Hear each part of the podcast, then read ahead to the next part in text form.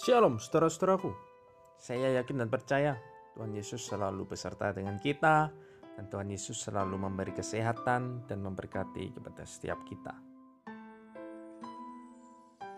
Saudara-saudaraku semua Jika seseorang ataupun kita mempunyai idola Seperti kita mengidolakan seorang artis Ataukah seorang pemain sepak bola Ketika artis atau pemain sepak bola itu memiliki pakaian yang identik dengan dirinya. Pastinya kita akan membeli pakaian itu. Dan kita ketika memakai pakaian itu seolah-olah kita menjadi seperti orang itu. Saya pun juga pernah merasakan ketika saya memiliki idola seorang pemain sepak bola yaitu Ricardo Kakak yang ketika mencetak gol dia selalu mengangkat kedua tangannya, dan kaos bagian dalamnya tertulis "I belong to Jesus".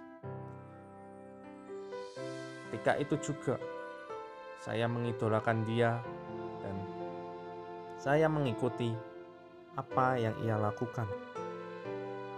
Status saya, saya tulis "I belong to Jesus".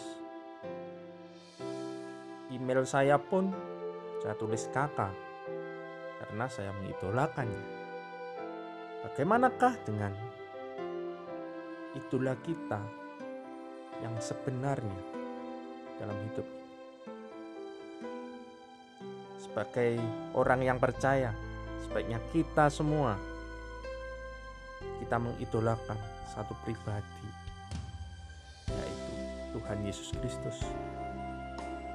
Apakah ketika kita sebagai orang percaya mengaku Tuhan Yesus adalah juru selamat, tetapi karakter hidup kita, keseharian kita, perkataan kita, tingkah laku kita tidak mencerminkan karakter Kristus. Apakah itu yang disebut orang yang percaya sejati? Marilah kita koreksi diri kita masing-masing. Marilah kita belajar untuk mengenal Tuhan Yesus lebih lagi melalui firman Tuhan, melalui Alkitab yang kita baca setiap hari. Firman Tuhan di dalam Yakobus 1 ayat 22 mengingatkan kita tetapi hendaklah kamu menjadi pelaku firman dan bukan hanya pendengar saja. Sebab jika tidak demikian, kamu menipu diri sendiri. Sebab jika seorang hanya mendengar firman saja dan tidak melakukannya, ia adalah seumpama seorang yang sedang mengamat-amati mukanya yang sebenarnya di depan cermin. Baru saja ia memandang dirinya, ia sudah pergi atau ia segera lupa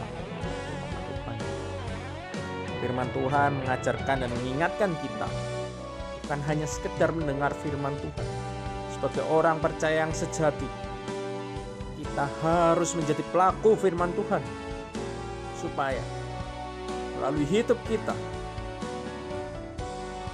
karakter kita, perkataan kita, tingkah laku kita, sikap kita menunjukkan karakter Kristus.